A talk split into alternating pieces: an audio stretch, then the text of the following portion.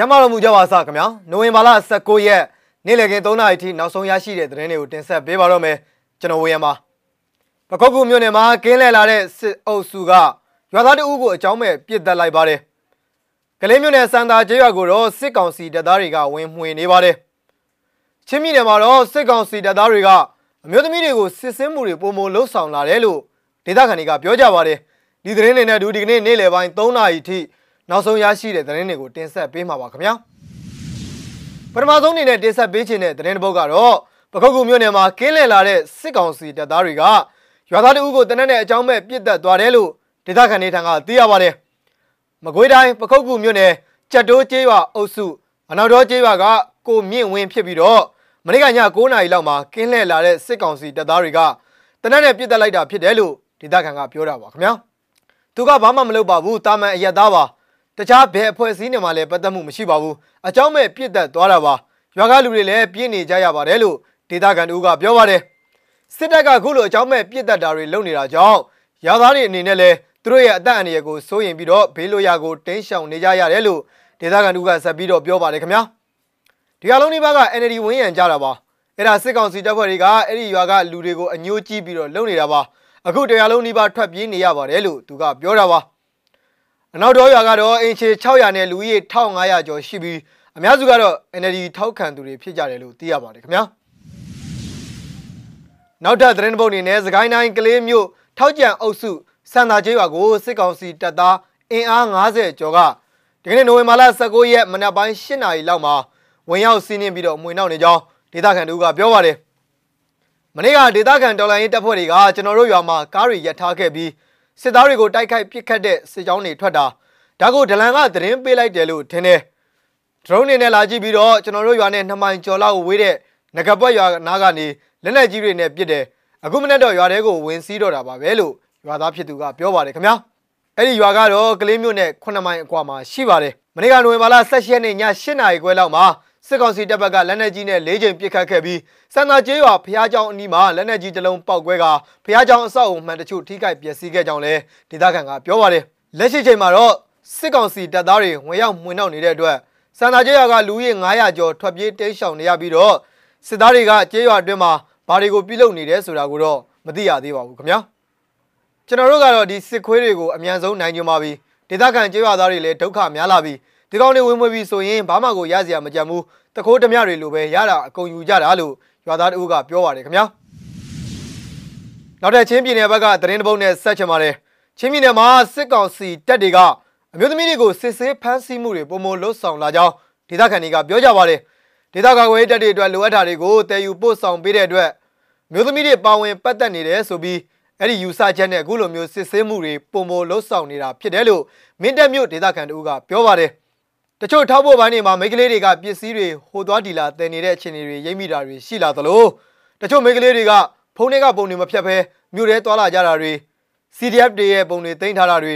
အဆက်အသွယ်တွေမဖြတ်ဘဲနဲ့ရှောက်သွားတာတွေကိုစစ်ကောင်စီဘက်ကစစ်ဆေးမင်းမြိုင်းရင်းနဲ့တက်တည်အနေနဲ့တွေ့လာသလိုယောက်ျားလေးတွေမြို့ထဲသွားလာနေတဲ့အချိန်မှာမိန်းကလေးတွေကိုအခုလိုလှုပ်တာဖြစ်နိုင်တယ်လို့သူကပြောပါတယ်ခင်ဗျာဒါပြင်မြို့သမီးတွေစစ်တင်တန်းတက်ရောက်နေတဲ့ပုံတွေကိုလူမှုကွန်ရက်စာမျက်နှာတွေမှာဖော်ပြတာတွေနဲ့လည်း ဆက်ဆက်နေတယ်လို့သူကဆိုပါတယ်မင်းတပ်မြို့မှာပြီးခဲ့တဲ့နိုဝင်ဘာလ16ရက်နေ့နေ့လယ်ခင်းမှာခြံထွက်ဝါဥတွေကိုတည်ဆောင်လာတဲ့ဓမ္မဆရာကတော်ကိုစစ်ကောင်စီတပ်တွေကဖမ်းဆီးစစ်ဆေးနှိပ်စက်ပြီးညနေ3နာရီကျော်မှပြန်လွှတ်ပေးခဲ့ပါတယ်အလားတူပဲနိုဝင်ဘာလ17ရက်နေ့ကလည်းတီးတိမ်မြို့နယ်အလွယ်ရွာမှာရှိတဲ့မိနေတဲ့အမျိုးသမီးနဲ့ကိုဝင်9လလွယ်ထားတဲ့အမျိုးသမီးတူကိုစစ်ကောင်စီတပ်သားတွေကအာဓမပြုကျင့်မှုကျူးလွန်ခဲ့ပါတယ် sorry နိုင်ငံတကာသတင်းတွေဘက်မှာတော့အာနာသိမ့်ပြီးနောက်ပိုင်းလူအသေးပြောက်အများဆုံးနေ့အပြီးမှာစူဒန်ဆန္ဒပြပွဲတွေဆက်လက်ဖြစ်ပွားနေတယ်ဆိုတော့ AFP ရဲ့သတင်းတပုတ်ကိုလည်းဆက်လက်ပြီးတော့တင်ဆက်ပေးကြပါမယ်ခင်ဗျာ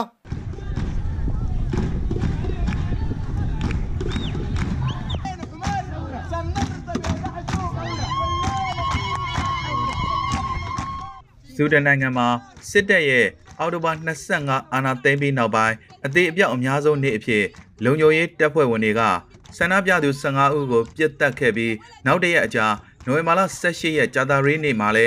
ဆူဒန်မြို့တော်ရဲ့လမ်းမတွေပေါ်မှာဆန္ဒပြပွဲတွေဆက်လက်ဖြစ်ပွားခဲ့ပါတယ်။ခါတုံမြို့မြောက်ပိုင်းကလမ်းမတွေပေါ်မှာညလုံးပေါက်ရှိနေခဲ့ကြတဲ့အာနာသိန်းစန့်ကျင်ရေးဆန္ဒပြသူဒါဇင်ပေါင်းများစွာကိုနိုင်ငံတကာရဲ့ရှုံချမှုကိုပြင်းပြင်းထန်ထန်ခံလာရတဲ့အာဏာပိုင်တွေကမျက်ရည်ယိုဘုံတွေနဲ့ပြစ်ခတ်လူစုခွဲခဲ့ကြောင်းမျက်မြင်သက်သေတွေကဆိုပါတယ်။အရင်ရက်က ဆန္ဒပြသူတွေလှုပ်ထားတဲ့ယာယီအတားအဆီးတွေကိုလည်းဖြိုဖျက်ခဲ့ပါတယ်။တက်တန်းကြာသမ္မတအိုမာအယ်ဘက်ရှာကိုဖြုတ်ချခဲ့တဲ့2019ခုနှစ်အေဗီလာနောက်ပိုင်းကတည်းက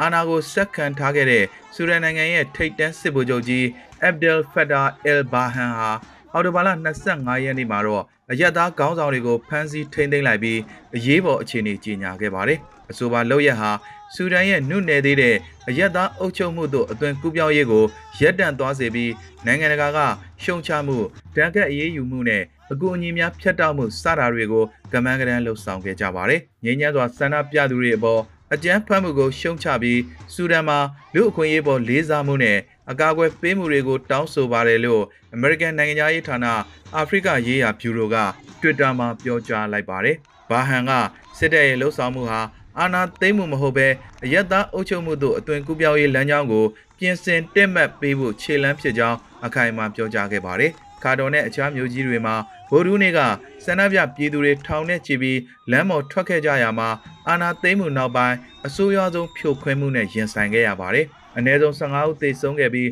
အများစုမှာကာတွန်ကဖြစ်တယ်လို့စေးဖွဲ့ကဆိုပြီးအာဏာသိမ်းပြီးနောက်ပိုင်းသေဆုံးသူဦးရေ39ဦးထိမြင့်တက်လာခဲ့ပါတယ်။ရဲတပ်ဖွဲ့ကတော့ ခါတော်မြောက်ပိုင်းမှာဆန္ဒပြသူတို့သေဆုံးကြောင်း၎င်းတို့အနေနဲ့တိုက်ရိုက်ပြစ်ခတ်မှုမရှိကြောင်းနဲ့တပ်ဖွဲ့ဝင်89ဦးဒဏ်ရာရရှိခဲ့ပေမဲ့အ ਨੇ ဆုံးအင်အားကိုသာအသုံးပြုခဲ့ကြောင်းထုတ်ပြန်ခဲ့ပါတယ်။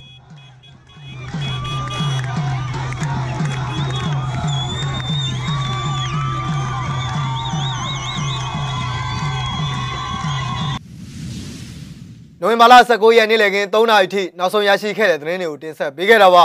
မစ္စည်းမကိုစောင့်မျှော်ကြည့်ရှုအားပေးကြတဲ့ပြည်သက်အပေါင်းနဲ့မြန်မာပြည်သူပြည်သားအပေါင်း COVID-19 ကပ်ရောဂါကကင်းဝေးကဆေးအာနာရှင်စနစ်ဆိုးလက်အောက်ကအမြန်ဆုံးလွတ်မြောက်ကြပါစေကြောင်းဆုမွန်ကောင်းတောင်းလိုက်ရပါတယ်ထူးခြားတဲ့သတင်းတွေနဲ့တူကျွန်တော်တို့မကြခင်မှာပြန်လည်ဆုံတွေ့ကြပါမယ်ခင်ဗျာ